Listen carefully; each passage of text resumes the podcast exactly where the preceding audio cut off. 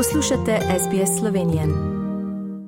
Pozdravljeni, dragi rojaki in drage rojakinje. Teden, ki se iztekajo v Sloveniji, prinesel začetek volivnih opravil pred oktobrskimi predsedniškimi volitvami. Voljivci lahko odslej s podpisi izrazijo podporo posameznim kandidatom. Volivna kampanja bo radno čez mesec dni. Med številnimi kandidati in kandidatkami se največ možnosti pripisuje pravnici Nataši Pirc-Musar, kandidatki vladajoče stranke Gibanje Svoboda Marti Kos in pa kandidatu desnega političnega pola Anžetu Logarju. Zaradi dražitve energentov nas v Sloveniji čaka težka jesen. Vlada je zato predstavila nove ukrepe.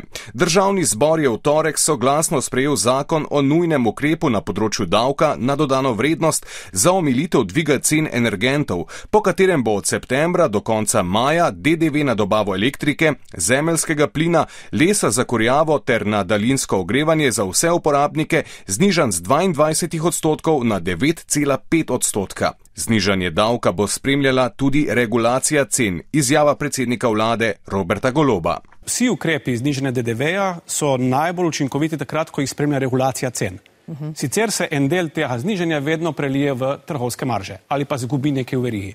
Kulturniške kroge pa so pretresla anonimna pričevanja o domnevnih spolnih zlorabah in finančnih nepravilnostih, v spredju katerih je novomeški umetnik. Na družbenih omrežjih so se pojavile anonimne izpovedi, ki direktorju festivala Fotopap iz Novega mesta Dušanu Smodeju očitajo od spolnih zlorab in potikanja drog za posilstvo do finančnih prevar. Policija informacije preverja, Smodej pa je obtožbe zavrnil in pozval k vložitvi prijav.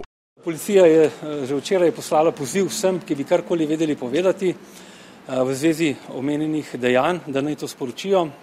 Žal nismo prejeli nobene prijave, nobene informacije, zato ponovno pozivamo, ponovno eh, prosimo vse, ki bi karkoli vedeli povedati, tako o teh uh, izpostavljenih dejanjih, kot tudi o morebitnih drugih eh, podobnih dejanjih, da to sporočijo na najbližjo policijsko postajo oziroma na našo interventno številko 1 na 3.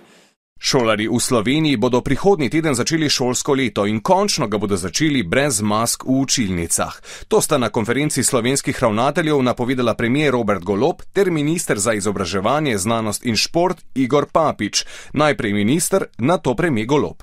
Šolsko leto začenjamo mirno, umirjeno v šolah, brez mask, na konvencionalen način, tako kot smo bili vajeni pred časom, pred dvema letoma. Načrt te vlade za to zimo je samo eden, kako ostati odprta družba, kljub temu, da COVID živi z nami in mi živimo z njim. Skozi teden je bilo sicer v bolnišnicah zaradi COVID-19 v poprečju hospitaliziranih 80 bolnikov, nekaj manj kot teden prej, ko je zdravljenje v poprečju potrebovalo 85 bolnikov. Stanje v bolnišnicah bo tudi glavni kriterij za morebitno zaostrovanje ukrepov povezanih s COVID-om v jeseni. Predsednik republike Borut Pahor je v torek ob Evropskem dnevu spomina na žrtve vseh totalitarnih in avtoritarnih režimov položil venec k spomeniku vsem žrtvam vojn in z vojnami povezanim žrtvam. Izjava slovenskega predsednika ob dnevu spomina. Slovenci sodimo med tiste srednje in vzhodne evropske narode, ki so jih v burnem 20. stoletju preizkušali vsi trije totalitarizmi: fašizem, nacizem in komunizem.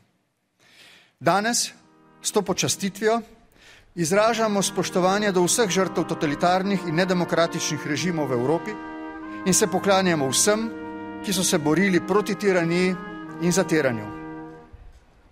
Obnavljamo svojo zauzetost miroljubni in uspešni Evropi, ki temelji na vrednotah, kot so spoštovanje človekovega dostojanstva, svoboda, demokracija, enakost načela pravne države in spoštovanje človekovih pravic. Poslušali ste pregled pomembnejših novic preteklega tedna iz Slovenije, odkudar sem se oglasil Žan Dolajš. Vse dobro vam želim, do prihodnič. Všečkaj, deli, komentiraj. Spremljaj SBS Slovenijo na Facebooku.